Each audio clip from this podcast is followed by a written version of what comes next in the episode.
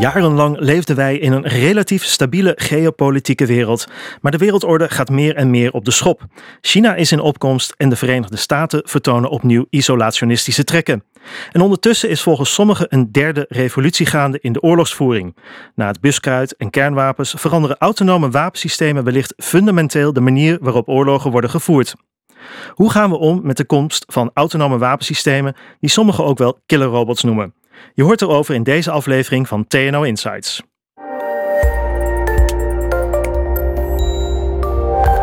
Hallo en welkom. Leuk dat je luistert naar deze aflevering van TNO Insights, de tweewekelijkse podcastserie over de maatschappelijke uitdagingen van dit moment. En mijn naam is Patrick Harms. In eerdere afleveringen doken we onder meer in de vraag of kunstmatige intelligentie een belofte of een bedreiging is en hoe de overheid big data kan inzetten voor beleidsontwikkeling. Lijken deze en andere afleveringen jou ook interessant toe? Zoek dan naar TNO Insights in jouw favoriete podcast-app, zoals die van Spotify, Apple Podcasts, iTunes, SoundCloud en de app van podcastluisteren.nl. In deze aflevering staan we stil bij de opkomst van meer en meer autonome wapensystemen in een steeds veranderende geopolitieke omgeving. En dat doen we met Mirjam Struik, directeur programma's van Stichting Pax. Welkom via Skype. Dank je.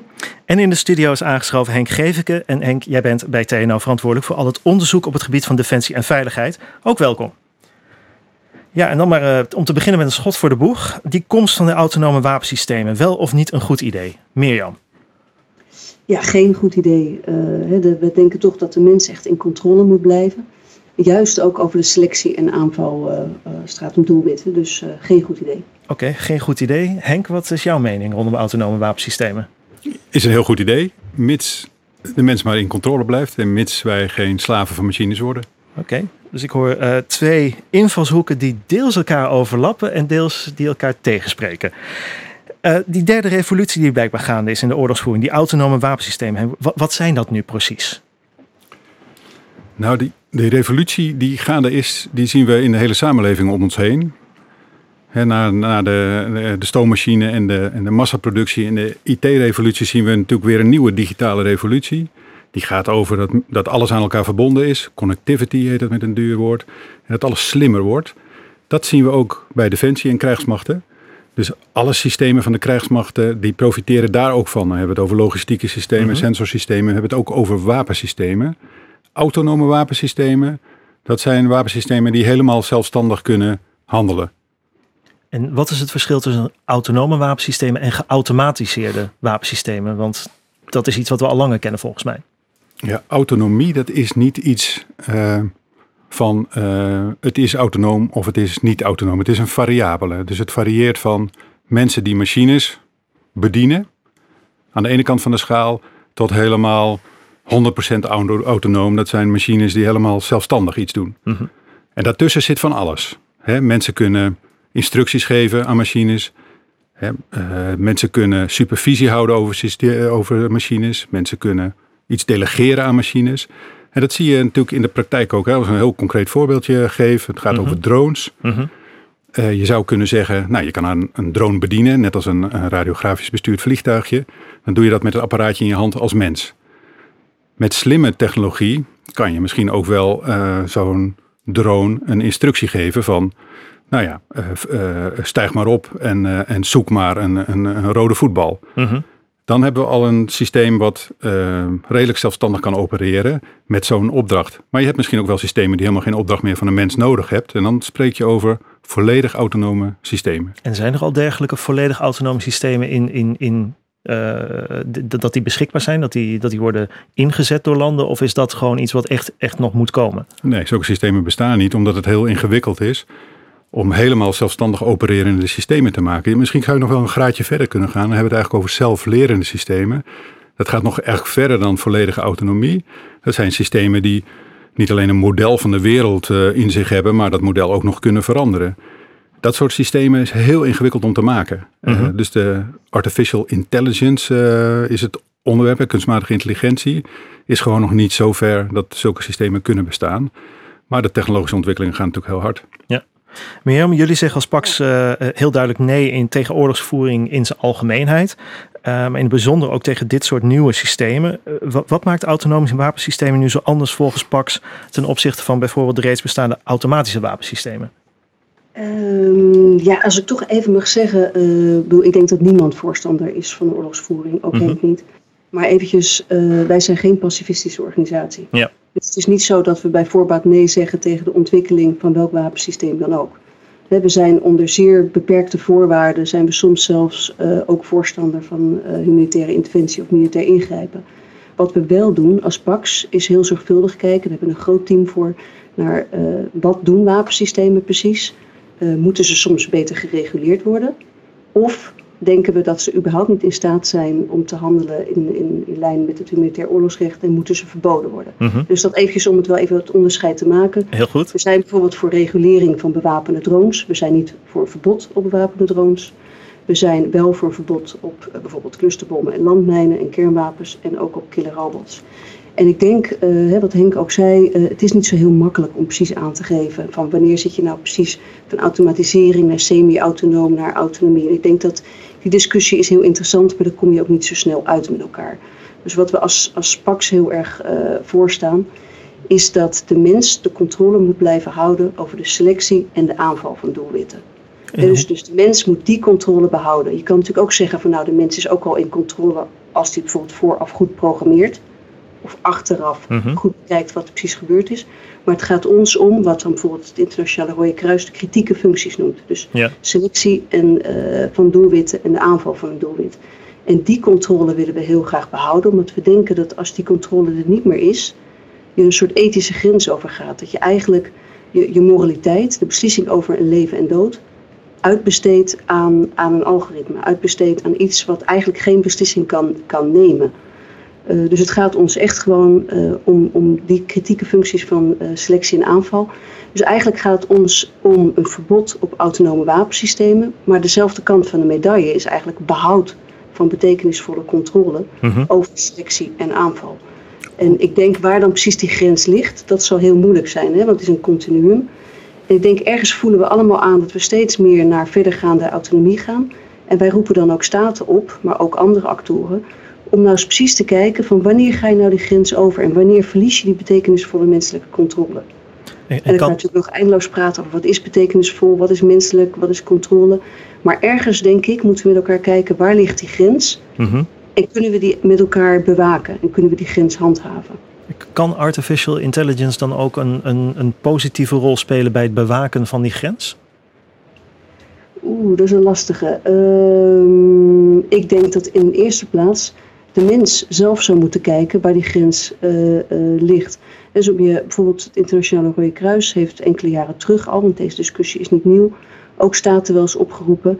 Op het moment dat er eh, bijvoorbeeld voorlopers zijn, of, of semi-autonome wapens, of, of welke woord je ook wil gebruiken, kijk dan daarnaar, naar die systemen, en kijk dan als, als staat waar zit dan die controle precies? En hoe Ja. wordt die hierin gegarandeerd? En waarom is dit systeem dus wel acceptabel? En wanneer zou een systeem dan niet meer zo acceptabel zijn? Dus ik denk dat we veel meer met elkaar naar de huidige wapensystemen moeten kijken. En dat staten met elkaar in discussie moeten gaan over hoe behoud je dat nou eigenlijk? Want op het moment dat je die grens eenmaal overgaat, en dat zal natuurlijk toch steeds geleidelijk steeds verder gaan, Mhm. is het heel moeilijk om nog terug te gaan. Henk, eh, is dat iets waar actief ook nu naar gekeken wordt? Eh, de, dat wensbeeld wat eh, Mirjam nu schetst? Ik denk, overigens ben ik het van harte met Mirjam eens, hè, waar het gaat over dat wij de beslissingen over leven en dood helemaal niet willen uitbesteden aan machines. En dat die aan mensen moeten worden voorbehouden blijven. Mhm. Misschien wel even goed om te zeggen, waarom, waarom is er eigenlijk die ontwikkeling naar autonome systemen? Dat is omdat ze veel voordelen hebben. Omdat dat soort systemen geen honger hebben, niet bang zijn, ehm, niet moe worden. En voor, voor taken die voor mensen vervelend zijn of heel gevaarlijk zijn of heel saai zijn, is het handig om daar machines voor in te zetten. En het is ook handig dat die machines eh, slim zijn. Eh, Mhm. Machines kunnen beter tegen allerlei G-krachten in de lucht, eh, kunnen hoge zeegangen ondergaan. Veel, daar kunnen mensen niet, niet tegen. Je maakt minder kosten. Ehm, maar door de slimheid die je erin programmeert, kan je misschien ook veel preciezer te werk gaan. En dus ervoor zorgen dat er veel minder slachtoffers vallen bij het gebruik van wapens. Dat zijn belangrijke redenen om dit soort systemen in te zetten. En als je nou wil dat die, dat die slimme wapensystemen, geautomatiseerd of autonoom, dat we daar belangrijke beslissingen op leven en dood niet willen overlaten aan die machines, dan moet je inderdaad zorgen dat je een kader oplegt Mhm. aan die kunstmatige intelligentie. Een kader waar die intelligentie niet overheen kan. En da- dat is inderdaad een fluïde grens. Dus je, moet dat, je zult dat ook moeten beproeven. Daar moet je, ik zou het jammer vinden als daar alleen een juridische of een ethische discussie over wordt gevoerd. Dat moet je ook in de praktijk ondervinden. Of er vertrouwen bestaat in technologie, eh, waar je toch taken overlaat aan, eh, hè, als mens aan apparaten. Eh, tot hoe ver gaat dat Ja. vertrouwen? Want er staan grote belangen op het spel. En dat zal ook elke militair zich realiseren. Ja, die- ik denk dat dat is ook wel een beetje de, de kern hoor, van het, het vertrouwen. En ik moet eerlijk zeggen, ik heb dat vertrouwen op dit moment niet. En eerlijk gezegd, En waardoor heb jij dat vertrouwen dan niet, Mirjam? Ik denk dat, en dat zie je ook bij andere wapensystemen, eh, heel vaak eh, is het nog een, een, nou, bijna een heilig geloof in technologische eh, fixes, in, in technologische antwoorden. En als je dan ziet hoe wapens in de praktijk gebruikt zijn, bijvoorbeeld denk aan clusterbommen, blijkt de praktijk heel anders te zijn. Mhm. Maar toch nog even terug naar, naar de ethische vragen. Helemaal eens. Ik denk dat, dat robots hele nuttige dingen kunnen doen. Denk bijvoorbeeld aan het onschadelijk eh, maken van landmijnen. Ja. Denk aan het eh, het dragen van zware spullen. Er zijn heel veel taken die we in de civiele wereld gelukkig kunnen uitbesteden.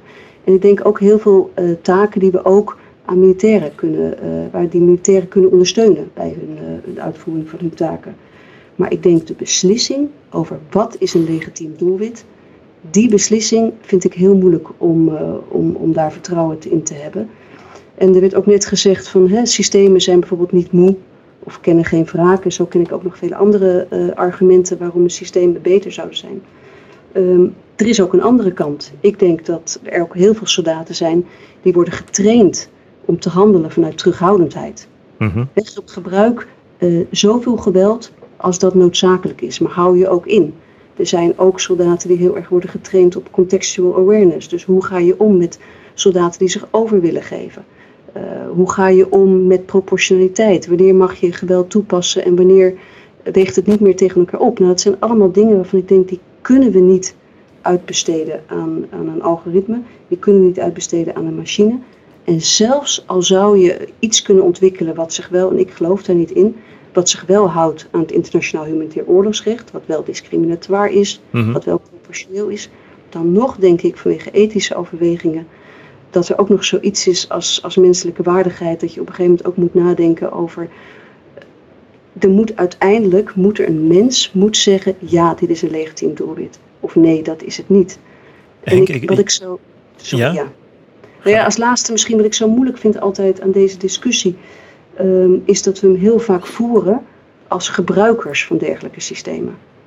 Ehm, maar dergelijke systemen gaan ook tegen ons gebruikt worden. Ehm, en dan krijg je opeens een heel andere eh, eh, discussie. En ik denk, ik zou het zelf heel erg eh, nou, gewoon naar vinden Mhm. om te weten dat uiteindelijk via allerlei, al dan niet hele slimme artificial intelligence besloten wordt wie en wat hier wordt aangevallen of niet. Ik, ik, ik geloof toch heel erg nog in de uiteindelijk laatste menselijke check. Henk, kun je daarop reageren? Nee, ik, ik geloof niet dat. Daar ben ik het wel mee eens. Ik denk wel dat kunstmatige intelligentie eh, een heel eind kan helpen om betere menselijke beslissingen te nemen. Mensen kunnen ook fouten maken. Mensen maken fouten. Eh, mensen maken misschien wel veel meer fouten dan machines in, in ingewikkelde situaties. Eh, en ik denk dat we met kunstmatige intelligentie toch wel ook gewoon betere kwaliteit van beslissingen kunnen nemen. Ook als het om de inzet van wapens gaat. Dat is nog iets anders dan de, die beslissingen helemaal overlaten aan eh, machines. En, en in die context eh, heb ik jou wel eens horen praten over meaningful control. Dat noemde Mirjam zo net ook al en die zei van ja, ik geloof dat niet in. Waar- waarom, waarom heeft TNO daar toch wel het idee dat dat een goed middel kan, een hulpmiddel kan zijn?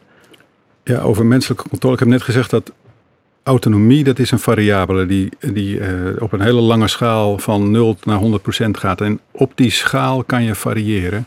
En betekenisvolle menselijke controle, dan heb je dus over menselijke controle die ook echt invloed heeft op de inzet en de, selectie van doelen eh, en de inzet van, eh, van eh, wapens. Ehm, en ik zou, nou ja, nogmaals, ik zou het jammer vinden als je daar alleen een ethische discussie over voert, omdat ik denk dat je ook technische oplossingen nodig hebt uiteindelijk. Omdat die, die technologische ontwikkeling gaat gewoon door. En als wij het niet doen, doen anderen het wel. En er zijn ook anderen die lak hebben aan allerlei ethische debatten. Ja. Dus je, je zult uiteindelijk toch ook aan de technologie, met de technologie met oplossingen moeten komen. Om ervoor te zorgen dat je die controle kan houden. Dat je die kan inbouwen of kan opleggen. Dat je dat vooraf kan doen, dat je dat tijdens kan doen. En dat je dat ook achteraf toetsbaar hebt. Mhm. Ehm, Ja. Dus, het- dus vanuit dat kader zijn wij wel gewoon aan het proberen om te kijken of het lukt. Dus we leggen ons niet bij voorbaat neer bij, bij, de, bij de opvatting: ik geloof daar niet in, dit gaat niet lukken. Wij gaan toch proberen om te kijken of je een technologische oplossing kon bieden om handvaten te hebben om menselijke controle te houden. Dat is, aan, dat is, aan, dat is een ingenieursoplossing. Hè. Kan, je een, eh, kan je een geweten inbouwen in een systeem?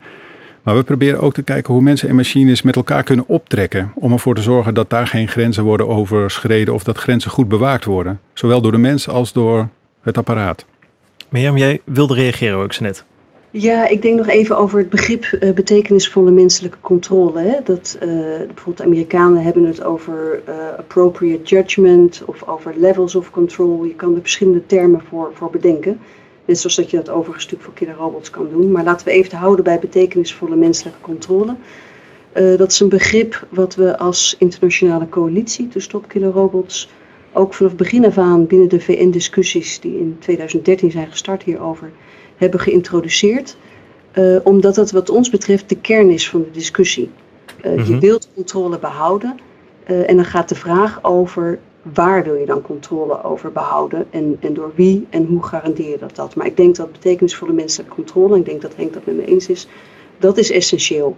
Eh, en we hebben ook als internationale coalitie al snel ook gedacht, als we het puur aan de technische kant, ons verhaal, hè, ons, onze normsetting en, eh, willen doen, ehm, dan gaan we het verliezen, zeg maar.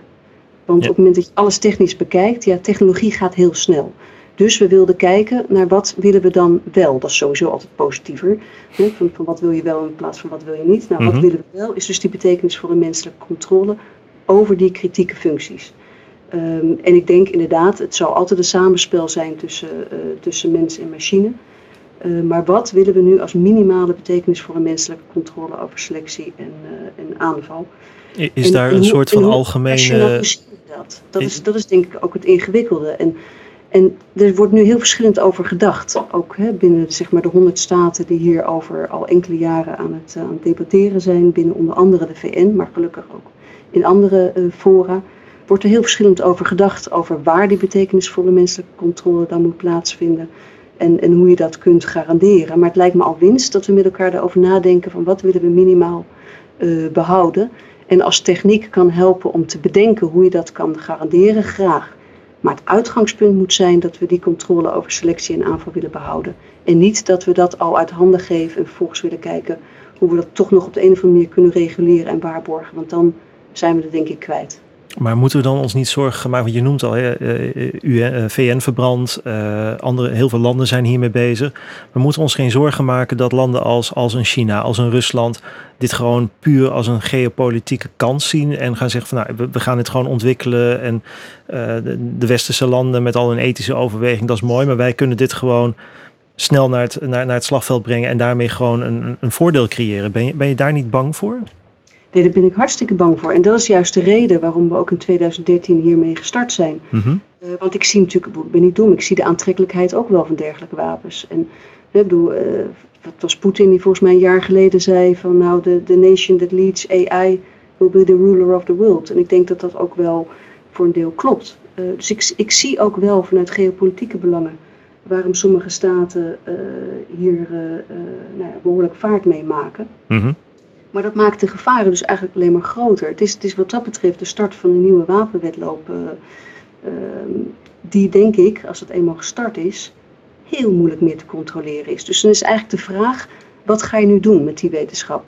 Ga je dan zeggen, nou we gaan er toch maar met volle vaart tegenaan. En proberen zo snel mogelijk te ontwikkelen, inclusief waarborgen. Ja. Of zeg je nee, we zijn beter dan dat. En we gaan toch met elkaar kijken hoe we die, waar we die grens willen trekken en hoe we die grens kunnen bewaken omdat ik denk, zeker omdat het hier ook vaak om gaat om civiele techniek, eh, dat als we het helemaal uit handen geven, ja, dan is inderdaad het eind zoek. En dan kan iedereen hiermee eh zijn gang gaan met alle problemen van dien. En dat die grens moeilijk is en moeilijk te handhaven, dat zie ik ook. Maar om dat toch even de vergelijking te maken, dat hebben we natuurlijk ook. En ik weet ook wel dat er zijn verschillen, maar we hebben bij het chemische eh, wapenhandelverdrag hebben we natuurlijk ook vaak gehoord van je kan niet, je kan niet chemische wapens verbieden, want daarmee verbied je ook eh, zaken die we nodig hebben voor de civiele industrie. En toch kon het. Dus Maar ik, ben eigenlijk ja. hoopvol. Ik, ik, wil, ik wil toch dat we met elkaar proberen om het, eh, om het voor elkaar te krijgen. Ja, Henk wilde reageren. Ja, ik weet niet of die vergelijking. Ik, kijk, dat er andere landen zijn of andere groeperingen die zich niet aan de conventies van Genève eh, houden, dat kan inderdaad geen argument zijn om, je, om, daar zelf, hè, om, om onszelf daar niet aan te houden. Dus daar kunnen we elkaar heel gemakkelijk in vinden. Volgens mij geef je ook niet zomaar iets weg. Je moet natuurlijk wel voorbereid zijn op eh, de inzet van wapens van andere landen. Hoe dan ook, hè? of dat nou slimme wapens zijn of niet. Die, die, Mhm. Diezelfde president Poetin, die eh, heeft vor- vorig jaar zijn, zijn eh, superwapens gepresenteerd. Dat was niet alleen maar kunstmatige intelligentie. Dat waren ook hypersonenwapens die Ja. tien keer zo snel gaan als het geluid. Dat waren ook nucleair aangedreven torpedo's. Er zit weinig slimheid in dat soort wapens, maar er zit wel heel veel kracht, vernietigingskracht in dat soort wapens. En ook daar zullen we een antwoord op moeten vinden. Tegen hypersonenraketten hebben wij op dit moment geen antwoord. Die dingen die gaan te snel voor elk afweersysteem wat te koop is. En je wilt toch ook eh, je mensen beschermen. Dus ook daar zul je toch iets op moeten ontwikkelen. En dat geldt eigenlijk ook voor automatische of autonome systemen van, eh, ja, van vijandelijke groeperingen. Daar zul je toch ook een antwoord op moeten vinden. En alleen verbieden zal denk ik niet een oplossing zijn. Nee, ik denk, denk ook niet dat, dat alleen een verbod een oplossing is hoor. Ik bedoel, er zal veel meer gebeuren om de wereld eh, veiliger te maken.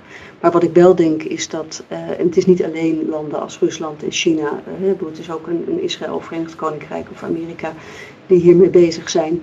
Ik denk wel, als we die ruimte op dit moment vrijlaten, dan zullen ontwikkelingen wellicht toch sneller gaan. En daarvan zullen ook andere staten en niet-statelijke actoren weer, eh, weer gebruik van maken. En wat ik ook nog wel wil zeggen hierover is natuurlijk, het is ook wel opvallend dat juist bij deze eh, ontwikkeling heel veel wetenschappers en ook bedrijven zich zorgen maken. En ik denk wat dat betreft, het is niet alleen maar een aantal eh, kleinere staten of, of, of civil society die zich zorgen maakt. Het zijn ook bedrijven en wetenschappers die, en dat hebben we natuurlijk al eerder gezien bij het Manhattan-project met, eh, met kernwapens. Het zijn wetenschappers die nu al zeggen, wij maken, zich, maken ons zorgen en, en helpen ons dit vooraf te reguleren. Herken jij dat beeld, eh, Henk? Ja, ik weet niet of angst nou zo'n goede raadgever is. Ik zou eigenlijk. eh, Je, je moet ook veel fantasie hebben om te bedenken hoe technologie zich gaat ontwikkelen. Ehm, als je er vanuit een wetgevingsoptiek naar kijkt, dan, ehm, dan, dan overzie je dat misschien niet helemaal. Omdat die technologie, die gaat ook, die ontwikkelingen die gaan heel snel. Sommigen beweren zelfs dat die exponentieel gaat. Dus je zal met die technologie, je moet die technologie, daar moet je gewoon mee gaan werken. Om te kijken of je daar vertrouwen in kan hebben, of dat oplossingen gaat bieden of, of, of niet. Dus die technologie moet je in je eigen voordeel gaan gebruiken. En dat kan ook het eigen voordeel zijn van het behoud of het vergroten van menselijke controle. Dus ik zou daar gewoon heel actief op inzetten, juist op inzetten. Ook aan de, aan de, aan de wetenschaps- en innovatiekant.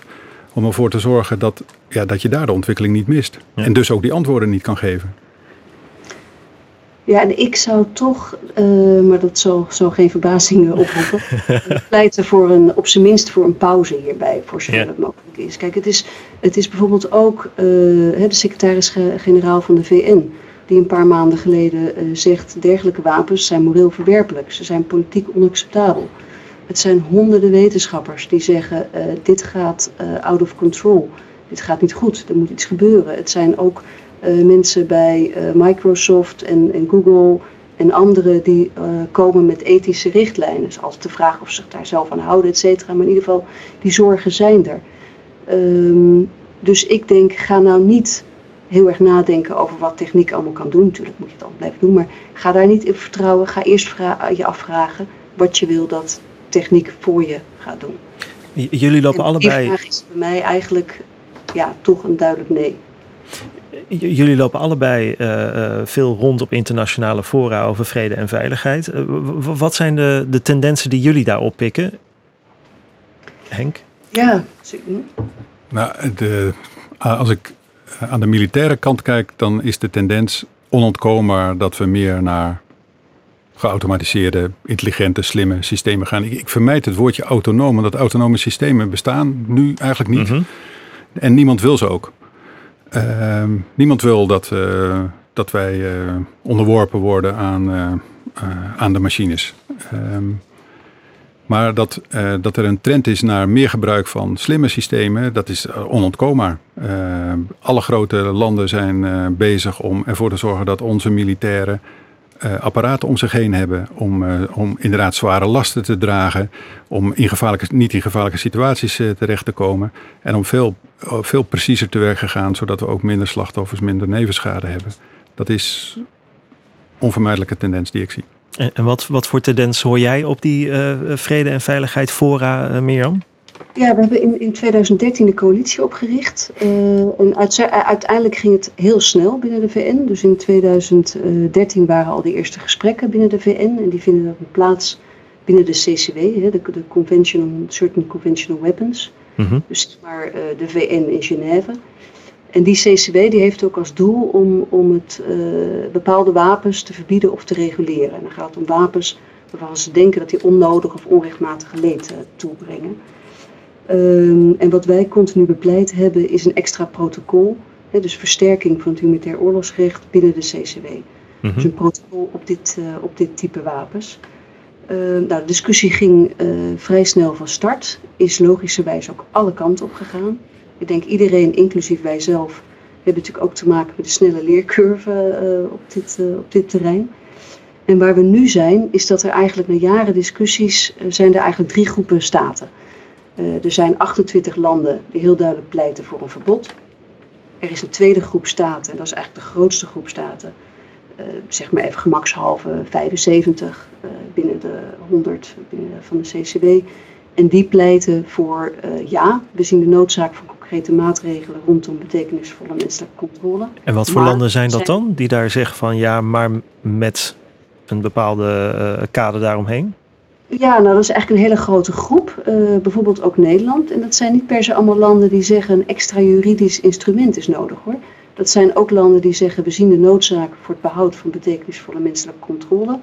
Uh, maar we moeten nog heel goed nadenken over wat dat dan precies is. Hoe operationaliseer je dat? En heeft dat een extra protocol nodig? Of is een politieke verklaring voldoende? Maar het is in ieder geval een grote groep landen die wel het probleem ziet. Maar nog met elkaar aan het discussiëren zijn over de beste oplossing. En die derde groep, die vindt eigenlijk sowieso bestaande regelgeving afdoende. Hm. En deze groep blokkeert dan ook eigenlijk uh, ja, de voortgang uh, in Genève. En dan moet je denken aan landen als Verenigde Staten, Rusland, Zuid-Korea, Israël, Australië. En alles binnen de, de CCW, dus binnen dit VN-orgaan, draait om consensus.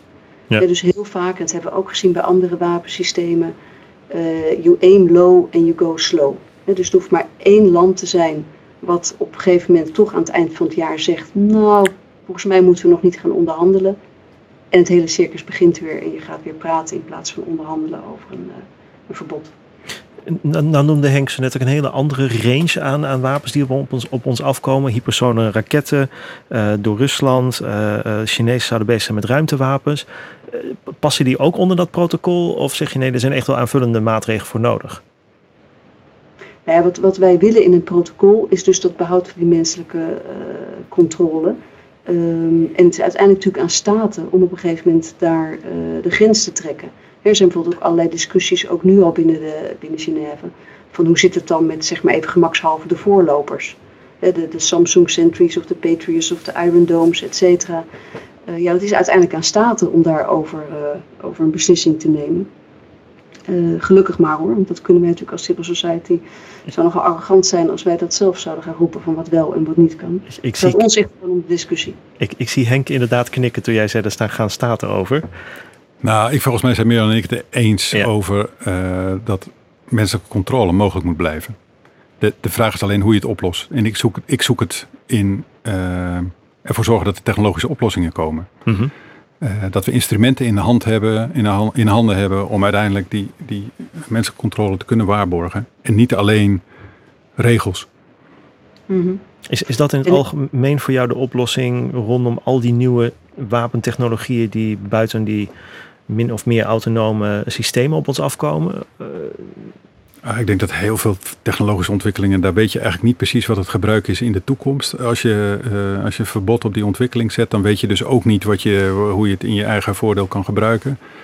Um, En weet je eigenlijk ook niet goed wat kwaadwillenden ermee zouden kunnen doen. Dus je moet gewoon met die technologie bezig zijn. Dat, wil, dat is niet ongebreideld. Hè? Dat, dat is ook binnen een kader. Ik, Mirjam zei net iets over killer robots. Hè? Wat, ik, wat ik een prachtig bedachte term vind. Maar in, termen, in, in, in de context van een krijgsmacht. Kijk, we hebben krijgsmacht opgericht om ons te beschermen. Hè? Ons leven, ons grondgebied, onze democratie. En dat betekent, en natuurlijk past een krijgsmacht geweld toe, of is gelegitimeerd om geweld toe te passen binnen regels. Eh, en dat, dat, geldt voor alle wapensystemen die worden toegepast door zo'n krijgsmacht, geldt dat ook althans voor westerse krijgsmachten. Mhm. Dus binnen dat kader uh, zou ik, zou, zoek ik ook de mogelijkheden om die mensen controle te blijven houden. Dus ik denk dat we echt dicht bij elkaar zitten. Ik zoek het alleen in technologische oplossingen vinden. Ja. Ja, en ik, ik, denk, ik geloof niet zo in technologische oplossingen voor een technologisch probleem in dit geval. Nou, maar weet je, uh, dus ik, denk dat, ik denk dat we wel vrij dicht bij elkaar zitten hoor. Maar ik, um, kijk, op het moment dat je puur naar de Nederlandse krijgsmacht kijkt, dan denk ik, dan is daar een heel helder kader voor wat wel kan en wat niet kan. Maar we opereren niet alleen hè, in, in, in, in Nederland, je opereert gewoon internationaal.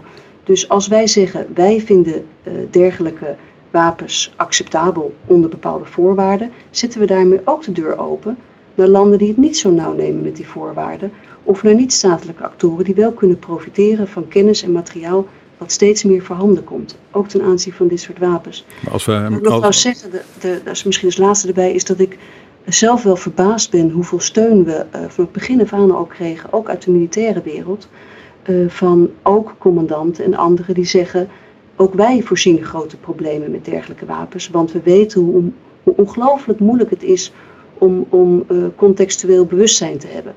Dus ook heel vaak hoor je vanuit de militaire wereld van, maar wij geloven ook helemaal niet in wapens waarvan je van tevoren hè, in, in, qua tijd, ruimte, kenmerk bepaalde parameters aangeeft, waarvan we niet zeker weten wat er op dat moment in real life gebeurt.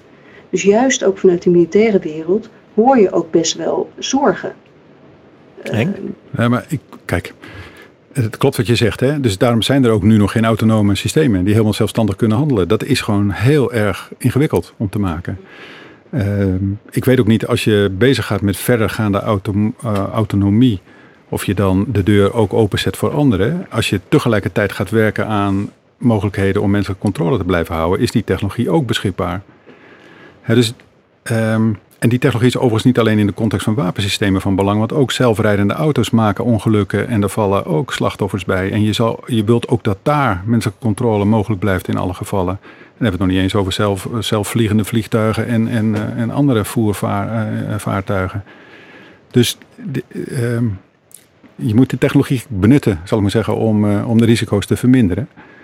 Dat zou mijn stelling zijn.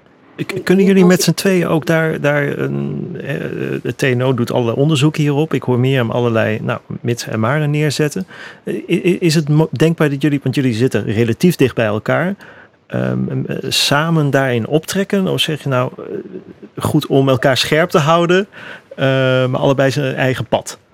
Nou, misschien moet, moet er iets bewezen worden hè, aan, de, aan de kant van, de, van uh, degene die met de technologie bezig zijn. Mm -hmm. Dus wij, wij zijn aan het proberen of het kader wat wij gemaakt hebben voor Meaningful Human Control, om te kijken of wij dat ook nou, werkend kunnen krijgen. Een van de onderdelen in dat kader wat wij gemaakt hebben, is dat we zorgen dat de, het algoritme niet alleen een beeld heeft van de wereld. Nou, ga maar eens de hele wereld modelleren. Dat is best ingewikkeld.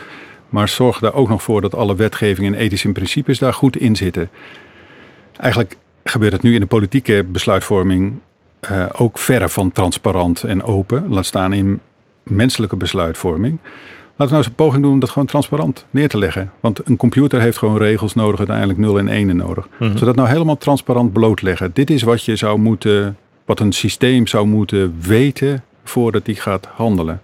Misschien is dat kader alleen al een hele goede oefening om met elkaar erachter te komen wat die menselijke controle eigenlijk wel of niet zou kunnen inhouden voordat je dat ergens gaat inbouwen. Is dat iets om met elkaar te ontwikkelen als TNO een pak samen? Dat zou mijn aanbod zijn.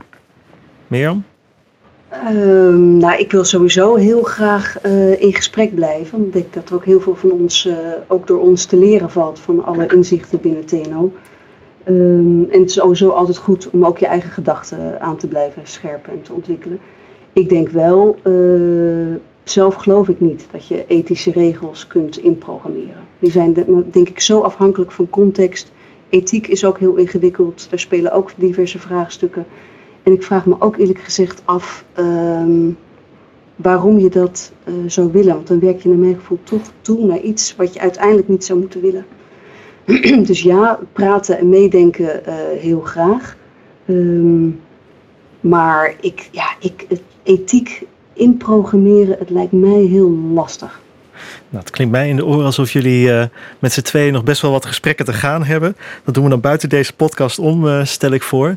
Uh, voor nu wil ik jullie allebei bedanken voor het gesprek tot zover. En ik vermoed dat het in de komende tijd de ontwikkeling binnen dit type wapensysteem de gemoederen nog wel even bezig blijven houden. En wil je als luisteraar nou meer weten over dit soort wapensystemen? Ga dan naar tno.nl, klik rechtsbovenaan op Insights en vervolgens op de podcastaflevering. Daar vind je aanvullende informatie bij deze aflevering. Voor nu in ieder geval bedankt voor het luisteren. En als je je geabonneerd hebt op onze podcast via Spotify, Apple Podcasts, iTunes, podcastluisteren.nl of Soundcloud, dan verschijnt er over twee weken automatisch een nieuwe aflevering. In ieder geval, tot dan.